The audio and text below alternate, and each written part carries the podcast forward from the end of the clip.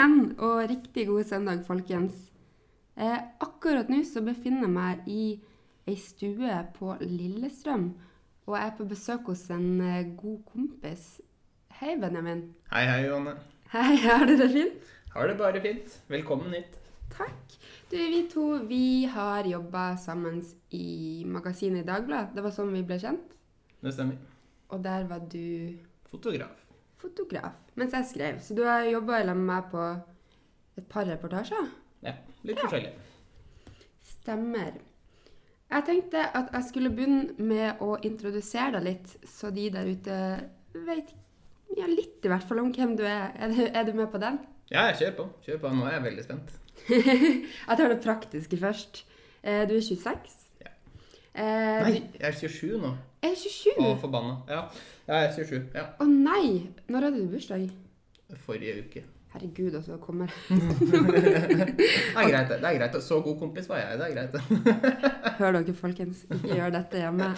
Ok, men du jobber som nevnt som fotograf. Tar litt alle slags bilder, men kanskje aller mest i magasinformatet. Ja, egentlig nå en blanding av både journalistisk og kommersielt arbeid. Det er jo veldig Mm. mye sånn utvikling eh, går nå. Men uh, trives egentlig med alt mulig. Ja. Og det er du uh, veldig flink til, syns jeg. Takk, det var veldig snilt av deg. Du har til og med tatt noen bilder av meg. Ja, det har jeg faktisk også gjort. Det var veldig hyggelig. Det var hyggelig. Eh, og så på fritida så driver du med intet mindre enn rally. Ja, bilen står utafor nå, faktisk. Så det er en av de store gledene i mitt liv. Som Mm. eh, hobby. Tar mye tid, men det er veldig gøy. Stas. Og så som person så vil jeg si at du er et veldig behagelig menneske. Oi, den var ny. Ja, takk. Takk, takk. Eh, og så er du en fyr med stor omsorg for andre. En som liksom stiller opp. Eh, så tenker jeg også på deg som veldig ærlig og åpen. Og som mm, en stødig person. Kan du være enig i det? Ja, hva ligger du stødig? Det er jeg litt spent på. Du er veldig um, tilstedeværende for de som er rundt deg. Takk, det var et fint kompliment. Vær så god. Yes. Før vi suser videre, så kan jo du få lov til å si noe kort eh, som du syns at de der ute burde vite om meg. Jeg kan egentlig gjenta litt av det du har sagt allerede eh, om deg. Jeg syns jo du er veldig åpen og ærlig òg. Veldig kreativ, eh, veldig Ja, veldig, altså veldig ålreit. Det er veldig enkel å komme inn på. Eh, vi har jo prata veldig mye det siste halvåret eh, om vårt, og det har jo på en måte slått meg som at du er en veldig åpen og behagelig person å prate med. det. Så det, det setter jeg veldig pris på. Så hyggelig. Ja. Eh, du nevnte jo det litt, at det er noe vi har snakka en del om siden etter jul. Vi snakka jo før jul, men da snakka vi ikke om dette. Eh, og det som skjedde da, var vel først at ei felles venninne av oss fortalte meg at Fordi det var en stund siden jeg hadde hørt fra deg, eller noen hadde egentlig hørt noe særlig fra deg. Eh, jeg hadde akkurat blitt frilanser og hadde tenkt å bruke deg litt som fotograf. Em, og så sa ei felles venninne av oss at eh, du ikke hadde det sånn kjempekult om dagen. Så gikk det litt en stund, og så snakka jeg med deg, og du fortalte meg at det var noe som på en måte ikke stemte. Hva var det egentlig som skjedde? Kan ikke du fortelle litt om det? Jeg tenker bare litt tilbake når jeg faktisk prata med deg først. Jeg husker jeg satt på kontoret. Um, og så kom jeg bare helt innpå, for da var jeg ganske utafor.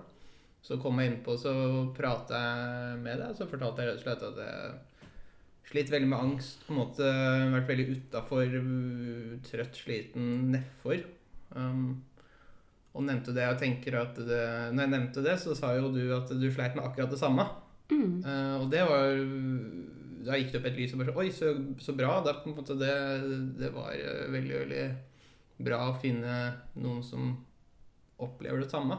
Mm. Um, så det, det husker jeg som en ganske hyggelig greie oppi det kjipe, da. Mm. Ja, for det husker jeg òg at jeg, jeg sa det, og så var det litt sånn Å! Og du òg? og det tenkte jeg kunne si litt om før vi går videre, fordi jeg nevnte jo det som en slags digresjon i forrige episode. At jeg, eh, både at jeg har vært deprimert, og at eh, jeg, jeg sliter med angst. Så sånn kortversjonen, eh, for det er jo litt forskjell på hvordan det var for deg og hvordan det har vært for meg. Eh, hos meg kom det ganske tidlig i tenårene, så var jeg deprimert første gang. Og så fikk jeg angst. Jeg lurer på om det var på videregående. Så kjente jeg at jeg begynte å bli deprimert igjen. Eh, og da kom angsten, fordi jeg var så utrolig redd for å eh, bli deprimert igjen, egentlig. Eh, fordi at jeg syns at det er sykt rått å leve. Og da er det så fjernt å ligge og føle på at man ikke syns det er noe kult, og at man kanskje ikke har lyst til å være her i det hele tatt. Så sånn kom angsten inn i bildet hos meg, og siden da så har egentlig den kanskje vært mest dominerende. Og det er jo forskjellig fra hvordan det var for deg, fordi hos deg var det vel tilsynelatende i hvert fall ingen forvarsel. Nei, det var liksom våren 2014. Um, som det skjedde ganske mye. Det var uh, Jeg gikk ut av et langvarig forhold, som vi er nå blitt sammen igjen for øvrig, som er veldig hyggelig. Uh, og så kjøpte jeg meg leilighet og fikk lån og på en måte blei aleine, og alt skjedde på en gang. Uh, og da husker jeg at jeg våkna en natt mens ute på en jobb. Uh, var en sånn todagersjobb. Og så våkna jeg midt på natta bare helt gjennomsvett og sånn skikkelig utafor og skalv. Og tenkte hva i helvete er det her for noe? Uh, bare fortsatte dagen etterpå, så gikk det vekk litt. Og så begynte det å komme igjen. Og jeg har gått fram og tilbake. Uh, og nå, nesten to og et halvt år etterpå, så, så har jeg det på en måte tidvis fortsatt, men jeg føler jeg har litt bedre kontroll på det nå. Og mm. de, jeg skjønte ingenting. Nei, fordi det var litt mitt inntrykk når vi snakka i lag eh, rett over jul. Så var det på et, på et, tidspunkt når det var veldig intenst for deg. Og da var du litt sånn Du skjønte vel hva det var, men det var liksom, du skjønte ikke sammenhengen. Du skjønte ikke kanskje så godt hvorfor, og hva man kunne gjøre med det. Nei, det var det. Altså, da rett altså, Jula var grei, og så begynte det å nærme seg liksom, over nyåret og liksom, hverdagen igjen. Og så da bare Da blei det bare verre og verre. Og så husker jeg da at det, liksom, jeg våkna på natta og var helt utafor, fikk ikke sove, og bare alle mulige tanker som føyk gjennom huet. Og det endte med da at jeg måtte legge meg inn på en sånn der uh, åpen døgnavdeling på, på Åråsen for uh, de som uh, sliter litt psykisk. Mm. så da var det ille. Litt vanskelig å sette Jeg skal prøve å sette litt ord på det. Men det var på en måte at eh, jeg gikk med konstant vondt i magen. Sånn, og satt veldig sånn sammenkrøpa. Veldig sånn innadvendt uh, kroppsspråk. Jeg er egentlig en veldig, om jeg får si det selv, en ganske sånn uh, glad, jovial, åpen type som egentlig er veldig positiv til alt. Og mm. det jeg kjente da, alt var motsatt. På en måte var veldig innadvendt, var uh, måte bare negativ og på en måte veldig tilbaketrukket. Um, kjente jeg da på en sånn vond følelse i kroppen, sånn skjelving og svetter og fryser og ja, svimmel. Mm. Kvalm, vondt i huet. Liksom masse på en gang. Og da blei det rett og slett så ille at uh, jeg dro med fatter'n til psykolog, uh, som jeg hadde gått til før, på akuttpsykiatrisk her på i Lillestrøm. Og da endte jeg med å bare legge meg inn der en uke. Mm. For sånn som jeg, jeg, pleier å beskrive det når folk spør, fordi jeg syns det er så vanskelig eh, å si noe som man kan relatere seg til. Fordi jeg kan huske at jeg hadde noen i familien min som hadde angst når jeg var yngre, og jeg forsto det ikke. Selvfølgelig jeg var yngre, men, men, det jeg pleier å si da når folk spør meg, er litt sånn Har du noen gang hatt helt for jævlig fylleangst? Der alt er kaos inni hodet ditt. Du liksom har ikke helt kontroll på kroppen. Eh, og det at den frykten du har da, er så utrolig urasjonell. Fordi som regel fylleangst, da har du ofte redd for ting du egentlig ikke har gjort, eller som ingen har lagt merke til fordi at de var mye fullere enn deg. Eh, så, så, jeg pleier å beskrive det sånn. Det er som du sier, veldig, veldig lite rasjonelle tanker. Altså, det er jo alt man tenker da, er jo ting man vanligvis ikke ville ha tenkt. Og det er da det blir veldig skummelt òg. For man skjønner ikke alltid hvorfor. Mm. Hvorfor det kommer, og hvorfor noe du var så sikker på dagen før, er man plutselig kjemperedd eller usikker for på nå. Mm. Uh, blir man veldig sånn usikker på alt man gjør gjennom en dag. Og, sånn, og hva om den personen tenker sånn om det jeg gjorde nå, hva om det var litt feil? Hva om de på en måte dømmer litt på de type ting. Det er sånn jeg aldri har vært så tenkt på så mye før. Jeg har bare kjørt på hvis det er noen som har ikke se å gå rundt og være tulling, men bare være seg sjøl. Hvis det er noen som reagerer på noe, så sier det fra. Men da bare liksom sånn alt er Prøve å finne liksom småting hele tida som er kan ha gått galt, da.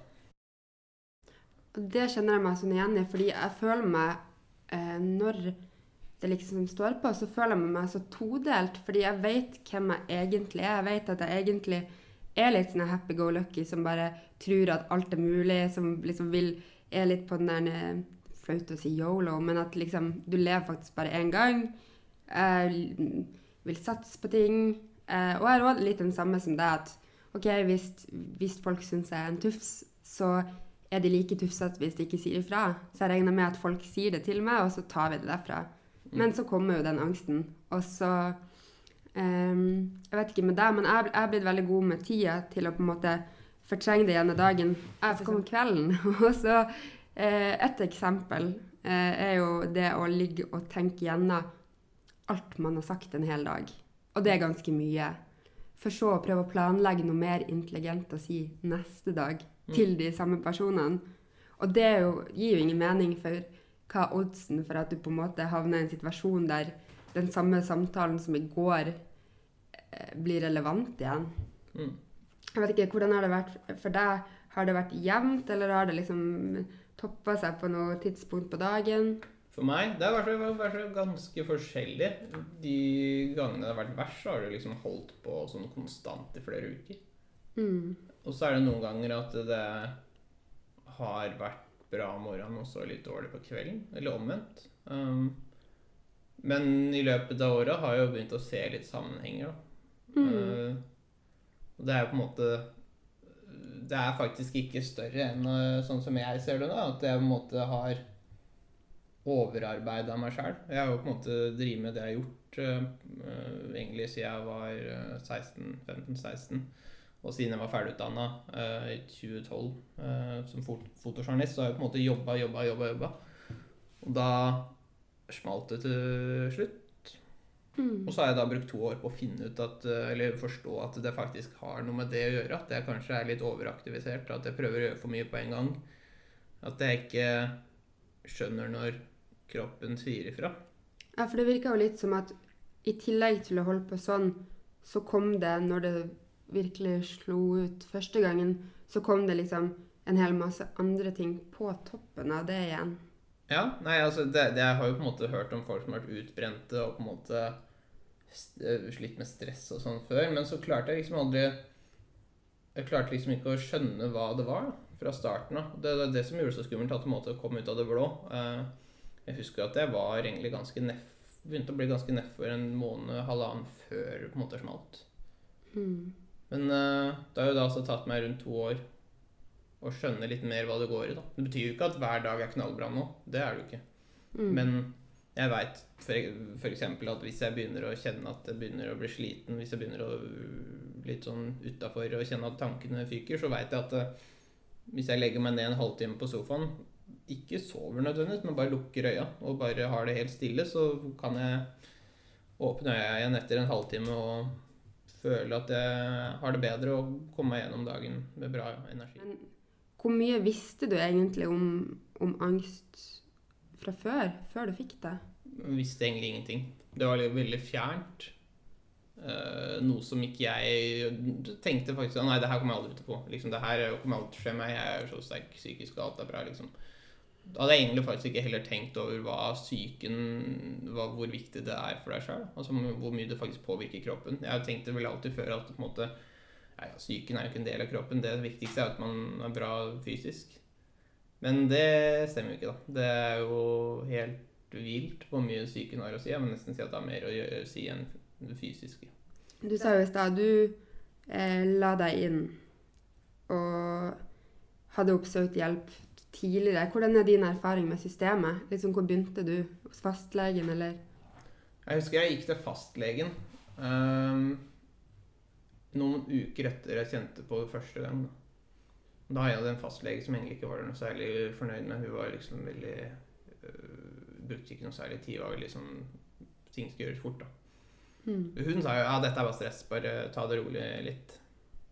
Og det rare er jo at det er jo mest sannsynlig det som faktisk hadde veldig mye å si akkurat der og da. Men jeg overhørte det litt, da. Uh, det er jo litt gøy å tenke Eller ikke gøy, men det er jo litt Ja, det er gøy. Vi sier det er gøy. Og tenke tilbake på at det faktisk var riktig der og da. Eh, så, men da Det hørte jeg jo da ikke på, eller jeg bare tenkte at det går sikkert vekk. Og så hadde jeg noen gode, litt dårlige perioder, og så litt lengre gode perioder. Og så tenker jeg ja, men det her var jo ikke noe dette blir borte. Og så da hadde jeg da jobba en sommer i Dagbladet, eh, som jeg hadde gjort før. Eh, og så var det i ferd med å bli ferdig den, det vikariatet, og så bare kom det igjen. Den frykta, den måtte alt som jeg forklarte allerede. Mm. Og da begynte jeg å gå til eh, samtaleterapeut først. Um, og etter det så var jeg vel egentlig innom uh, Begynte jeg da å gå Jeg har gått til så veldig mange forskjellige. da. Det er på en måte litt privat og litt offentlig. Nå er jeg jo på en måte inne i det offentlige systemet gjennom DPS, da, som er da på en måte det offentlige systemet. Um, jeg har hatt veldig mange behandlere. Nå har jeg funnet ei som er veldig ålreit, som jeg har vært med og prata med en god stund. Og dem jeg tror faktisk jeg har vært mellom åtte og ni behandlere. Og det, er, og det er mye på to år. Det er veldig, veldig mye. Det er mye, for jeg har kanskje hatt sånn her i seks-syv år. Jeg har hatt fire. Ikke sant? Og, jeg, og litt av årsaken til at jeg bytta, er jo også fordi jeg flytta til Oslo. Mm. Så du har vært innom noen, ja. Ja. Det er både alt fra kutt til mer vanlig ja, opplegg, holdt jeg på å si. Mm. Men det, det er jo så viktig, det med behandleren, hvem du møter på. For hvis du ikke har en god kjemi og veit at det er noen du kan gå til over en periode, så er det på en måte, da er det ikke så lett å Du utleverer deg sjøl veldig. Det er sant. Du, du, på en måte, altså, og det har egentlig ikke jeg hatt noe problem med. Jeg syns egentlig det er helt greit. Altså, em, når det gjelder alt uh, opplegget her, så har jeg vært veldig, egentlig, veldig åpen om det til både familie og venner, og egentlig nesten hvem som helst. Det har ikke tatt meg veldig lang tid å fortelle folk om det her hvis det på en måte har vært relevant. da. Mm. Og det syns jeg jo på en måte har vært bra. Eh, for det er jo ikke alle som tør det. Nei, og det tenkte jeg Sånn for min del, da. Jeg tror den første jeg fortalte eh, sånn ordentlig til Det var vel mm, andre eller siste året på videregående. Da fortalte jeg det til mamma, for vi har et veldig åpent forhold. Um, men det var egentlig bare hun som visste det veldig lenge. Uh, egentlig helt til det er kanskje bare et år siden jeg liksom virkelig satte meg ned med venninnene mine og sa at det her er faktisk Jeg har en diagnose som heter sammensatt depresjon og angstlidelse. Um, at det er så mange ting jeg er redd for da, uh, i forhold til å være åpen om det, samtidig som jeg syns det er så sinnssykt viktig, og litt av grunnen til at vi i det hele tatt sitter her og prater om det akkurat nå. Eh, jeg har jo blitt mer komfortabel med det etter hvert, men det jeg var redd for i starten, var eh, først og fremst at jeg skulle bli definert som angst og depresjon. At folk skulle se eh, meg og på en måte gjøre sine egne beslutninger om at ja, å ja, hun gjør sånn fordi at hun har angst. Å ja, hun er sånn fordi hun har angst. Og det er ukomfortabelt. Jeg vil jo heller fortelle sjøl at OK, av og til så bare skravler jeg liksom ubrutt om helt idiotiske ting fordi jeg er midt i et angstanfall som jeg prøver å dempe. Eller at jeg kan være fjern fordi at jeg er helt utslitt av å krangle med hodet mitt en hel dag. Eh, eller at jeg er skjelven. Eller at jeg Ja, uansett hva. Men jeg var veldig veldig redd for å bli definert som det. Og så var jeg også sinnssykt redd for det med jobbsituasjonen. Fordi vi kommer jo begge to fra en bransje som er tøff. Eh, mediebransjen. Der du går på vikariat til vikariat. Jeg tenkte at hvis noen fant ut det, så kom de til å bli så redd for at jeg skulle bli sykemeldt. Selv om jeg aldri har vært det. Så jeg fikk på en måte angst for det igjen. Så og tror jeg jeg var flau, fordi jeg, som du sier sjøl, du hadde ikke tenkt at det skulle skje med deg.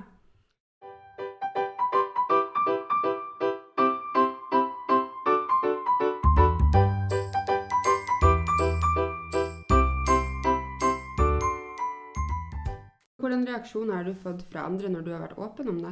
Jeg syns egentlig jeg har fått veldig gode reaksjoner. Egentlig ingen som har reagert eh, Det er sikkert noen som har tenkt litt før sånn Oi, oi dette er noe jeg føler er litt ukomfortabelt å prate om. Men jeg føler jo egentlig de aller fleste har jo syntes at det har vært greit, og syntes at det har vært tøft gjort å prate om det. Mm. Så er det jo sånn du sier eh, det, For meg er det jo så viktig, altså selv om jeg føler jeg har bedre kontroll nå enn før, og på en måte jeg føler at jeg veit litt hva ting går i, så, så, det er så viktig at, at det er uh, noe folk skal prate om. Da. Altså det er at det er noe som skal bli mer vanlig å prate om, og at folk ikke skal være redde for å være litt åpne om det. For det er jo veldig mange som sikkert føler på det samme som oss, men ikke skjønner hva det er, akkurat som øh, jeg har følt på, eller øh, ikke tør å si noe. Mm. Og det mener jeg er farlig. For det, det, det hvis, Man kan ikke gå rundt og ha det sånn her. Nei, og det er jeg ganske sikker på at når jeg begynte å få det sånn tidlig alder, så stritta jeg så sykt imot, for jeg var sånn Nei, det, dette her er ikke angst, det er ikke depresjon. Um, jeg er ikke hun som får det. Mm. Uh, jeg krangla sånn med meg sjøl så lenge at jeg rakk å bli veldig dårlig før jeg på en måte tok tak i det. Ja, ja. Og tenkte at fy faen, dette fikser jeg sjøl. Jeg skal ikke jeg trenger ikke noe hjelp. Em, det er jo Men, men em, Og kanskje også derfor måten folk rundt meg har reagert, har jo vært sånn Hæ, har du det? Ja, men du går jo på jobben din, du gjør jo alle ting. Du gjør, er jo normal, og nei, du har ikke det sånn Det er jo den fasaden. fasaden. Og så er det det som jeg tenker eh, Vi må snakke litt grann om det med tabuer. Fordi jeg føler at folk ser for seg et lite aspeløv som ligger på et liksom mørkt rom 24 timer i døgnet, når man liksom tenker på angst og depresjon. Men det trenger nødvendigvis ikke å være sånn. Nei, det, det gjør jo ikke det. Men det kan jo føles sånn. Det er mange ganger jeg har slitt med å stå opp, eller Det har vært flere ganger på det verste at jeg har tenkt at fuck it, jeg orker ikke å leve mer. Mm. Husker det tidligere i vinter, da hadde jeg bare pusha meg sjøl og jobba veldig mye. Og egentlig vært på en jobb som jeg jobba mye med motorsport og vært på liksom et av de største arrangementene som jeg er med på hvert år. Syns det egentlig har vært kjempebra, men det var bare kjipt. Det var bare helt jævlig hele greia. Når jeg kjørte hjem den kvelden og var helt ødelagt, så tenker jeg fuck it, det beste hadde kanskje vært å bare svingt inn en lastebil. Mm. Men tror du det er at du oppriktig mener det, eller er det en flyktig tanke? Der og da føltes det veldig sånn at jeg ikke orka mer. For at det, det kom og kom liksom gang og gang tilbake, hvordan jeg følte det her. Jeg tenkte at faen, jeg skjønner ingenting, jeg får ikke kommet meg ut av det. Og da tenkte jeg at det var den beste veien. Men jeg ser jo det nå. Mm. Som du har sagt før, er jo livsglede og vil ha det bra og vil oppleve livet. Livet er jo bra. Men der og da så føltes det jo ikke sånn. Om jeg syns det har vært vanskelig, så kan jeg love deg at det har vært enda vanskeligere for de som er rundt meg. Både kjæresten min, foreldrene mine og annen familie. Jeg har hatt veldig måte, godt forhold til foreldrene mine. Egentlig fått et mye bedre forhold til foreldrene mine bare de siste to åra med deg. Mm. Um, på tross av at det har jo vært en del av det, men de har jo vært forferdelig redde. Og når jeg da ringer og sier at jeg ikke orker mer, og ikke det her er helt jævlig, og dette her skjønner jeg ingenting av, det dette gidder jeg ikke. Da blir jo de ekstremt redde. Mm. Det, det veit jeg har tært på dem òg. Det tenker jeg òg at um, Jeg har nok aldri sagt noe sånt, um, men at jeg har ringt Det er vel kanskje mest mamma som har blitt utsatt. Unnskyld, mamma. Ja, unnskyld mamma her òg. Unnskyld mamma. Nei, men at jeg har ringt henne de gangene jeg har hatt de verste angstanfallene, eh, og på en måte ikke klart å slutte å hyperventilere og ikke skjønt hvordan jeg skal komme ut av senga, sånn, så har jeg jo ringt henne. Eh, og det har hjulpet kjempemasse, fordi at hun har liksom eh, satt i gang den tenkeprosessen. Og så tenker jeg av og til er det urettferdig at jeg ringer henne. Jeg er usikker. Jeg tror det er eh, Du kan se det fra begge sider. Moren din setter jo nok pris på at du inkluderer henne i det vonde. Hun er jo moren din. Altså Uavhengig om du er 12, eller om du er 25, eller om du er 40. Mm. Men igjen, det er jo da det å være åpen med det, prate med foreldrene sine om det, det har jo eh, Det gjør jo at de blir veldig inkludert i det òg. Og det kan jo tære på dem ekstra.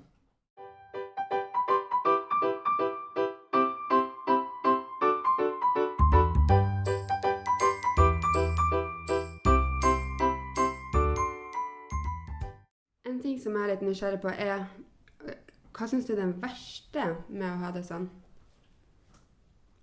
Jeg tror det er uh, hvordan jeg føler Nei, det er egentlig alt. Det er det at man tenker ting man ikke vanligvis ville ha tenkt. At man føler seg så jævlig. At man er helt utafor. At man bare ikke klarer å glede seg over noe. Og, måte når det, og at det er så skremmende. Mest at det er skremmende. At måte det er så, det er så, det er så ikke deg. Mm. Du føler liksom at eh, du er en annen person. Det er en annen versjon av deg sjøl som du ikke liker. Det tror jeg er det mest skremmende. Hva syns du? Jeg er veldig enig i det siste du sa, om at det, det er så frustrerende, for jeg føler at det blir litt som sånn her Styggen på ryggen syns jeg er en fin beskrivelse, da, for det kjennes ut som jeg har en til person på slep, en slags stygg skygge som bare på en måte forpester ting som Mm. kommer. Og jeg syns frykten er det verste, fordi at en ting jeg, Eller det at jeg blir veldig trist ofte fordi jeg tenker at shit, vi lever bare én gang, og skal jeg bruke så mye tid på å være redd for å leve? Uh, og det er, det er så fint å være her. Det er jo det. Da, så, så jeg syns det verste er å på en måte uh, Ja, når styggen på ryggen sier at det ikke er fint. Så er det det med at det er jo det, ikke sant. Og så føler jeg at jeg i hvert fall har gått til å sammenligne meg veldig mye med alle andre. ikke sant? Vi er jo, vi er jo i midten av 20-åra, ikke sant. Folk uh, får seg gode karrierer, de får seg hus, de får seg barn, og på en måte får en naturlig utvikling der. Uh, og så når man da føler seg så dritt til tider, så tenker man jo at man er, ingenting. Da. Man er null i forhold til alle andre. At eh, selv om du veit at du har ekstremt mange gode kvaliteter, er flink til det du driver med, har har eh, kjæreste, har sted å bo, har gode venner og god familie, liksom, så glemmer man på en måte det. Jeg kan jo tenke at folk Det er en av de styggeste tingene jeg, må forholde meg til. Det er det at jeg kan tenke at arbeidsgiveren har ansatt meg, og at vennene mine omgås meg av sympati. Det er den ekleste følelsen jeg vet. Og jeg vet at det ikke er sånn, og at de bare kunne gått sin vei hvis de syntes jeg var drittmenneske. Men, men akkurat den der, den kan sette seg skikkelig. Og det syns jeg er trasig. Jeg kan kjenne igjen det med, med arbeidsgiver og sånn. altså det nå jo, jobber jeg jo frilans, da, så jeg har på en måte, jeg har jo da en del sånn type faste kunder som har opparbeida meg over en periode. Og så blir jeg jo da veldig redd for at de skal på en måte eh, bli redd for å bruke meg uh, framover og skal bare kutte meg ut og tenke å nei, da tjener ikke jeg penger, og så går alt til helvete. liksom. Det blir måte, Alt blir veldig sånn stort. Eh, men, så jeg, jeg har egentlig valgt å være veldig åpen om dette til de kundene jeg på en måte har, de største kundene mine. De som jeg på en måte har uh, mest kontakt med og jobber mest med. Og man har sagt at sånn er ting. eh, eh, og det har egentlig bare gått fint. Det har det. Ja, det har faktisk vært overraskende bra. Uh, og, og nå som jeg begynner å føle meg litt bedre, i hvert fall noe, eh, mye bedre enn på lenge, så, så, er det, så er det veldig godt å vite at folk på en måte forstår det til en viss grad. Man må tenke på sy Psyken er på en måte det er like mye kroppen som alt annet. Det er bare en veldig avansert del. For en ting, Ekstremt avansert. en ting jeg syns er veldig funny, er jo sånn Alle de her urasjonelle fryktene man har. Du er redd for masse forskjellige ting. Du, eh, altså det er jo ren frykt. Samtidig så driver du med rally. Jeg står og framfører og pitcher foran folk uh, ukentlig. Snakker høyt i møter. Alle de verste tingene jeg vet. Og så kan jeg liksom samtidig være redd for sånn helt banale detaljer. Ja, det er jo det, det, er jo det som er så rart. Og de, tinga som du veit hører at folk flest er redd for, da. Som er på en måte Kanskje er sånn som prestasjonsangst som det type der, og, ehm, og faktiske farer, da. For meg er ikke det på en måte vært så veldig stort. Det er på en måte det er som de, de irrasjonelle tinga som blir så forbanna stort, som, som har tatt mye plass. Yes. All right. Sånn avslutningsvis så tenker jeg at vi skal prøve å komme med noen råd. Vi begynner jo å få litt erfaring. Det blir Eh. Søndagsrådet der. Fra lørdag P3s lørdagsråd til ditt søndagsråd. Ja, de skal bare passe Ja, pass deg nå.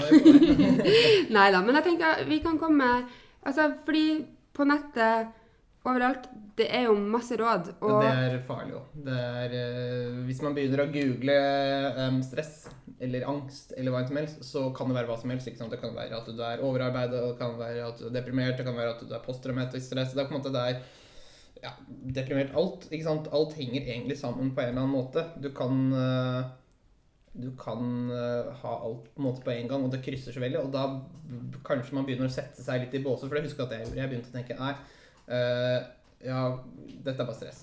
mm, Noe det egentlig var, men da har jeg slått litt fra meg da og da. Og så nei, nå var jeg deprimert. Nei, nå var jeg bipolar. Nei, og så nå var jeg på en måte alt på en gang, da. og på en måte sette meg i en bås. Uh, og det er ikke nødvendigvis en veldig god idé. Og det, Nei. Selvdiagnosering er ikke nødvendigvis en veldig sånn Nei, Smart. jeg tenker kanskje det er første råd. Ikke google, gå direkte til noen som faktisk kan utrede. For jeg gjorde det samme som deg. Første gang jeg gikk til eh, legen min og snakka om det, jeg lurer på om jeg var 17 eller 18 når jeg liksom virkelig fortalte, da sa jeg én, jeg er enten bipolar, to, så har jeg en personlighetsforstyrrelse, eller tre, så er jeg på vei til å dø av kreft. Og det hadde jeg bestemt meg for, fordi jeg hadde googla det. Eh, selv om jeg egentlig skjønte litt kanskje hva det var, men det var det jeg var mest redd for. Så råd nummer én må være å Selvfølgelig, du kan google for å på en måte finne landskapet, kanskje.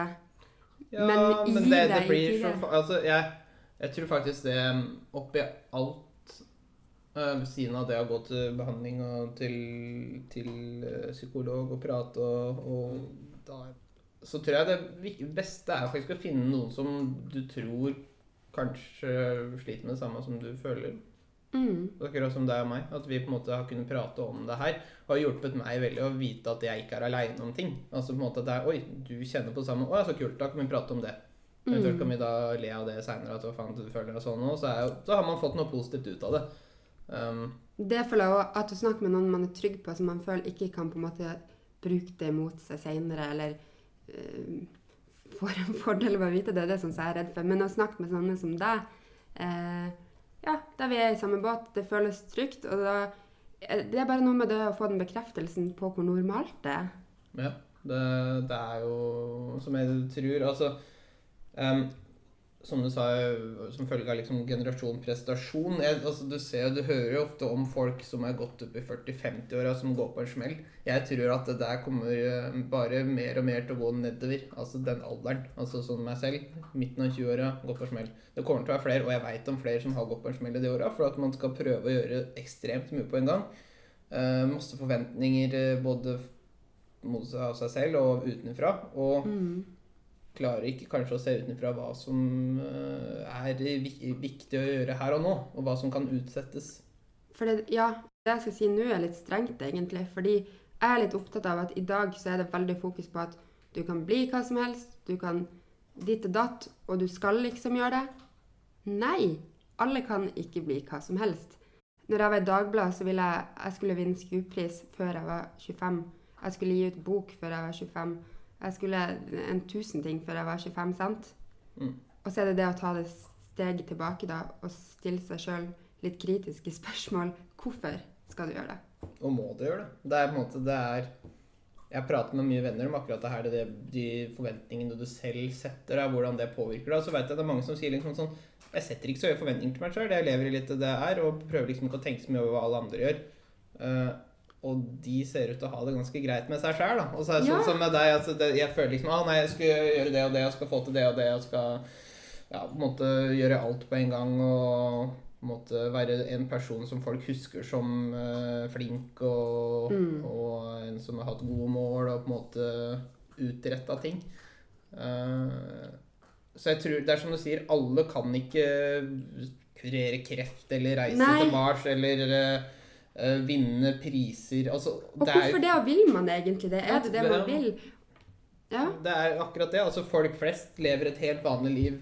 Men det er også et godt poeng er liksom de verdiene da, man har overfor seg selv. Man setter kanskje prestasjon og mål og oppnå, ja, det, det man oppnår, foran grunnleggende verdier i verden. Da. Mm. Uh, som, som folk flest kjenner på. Da. Si du drar til eh, et fattig land.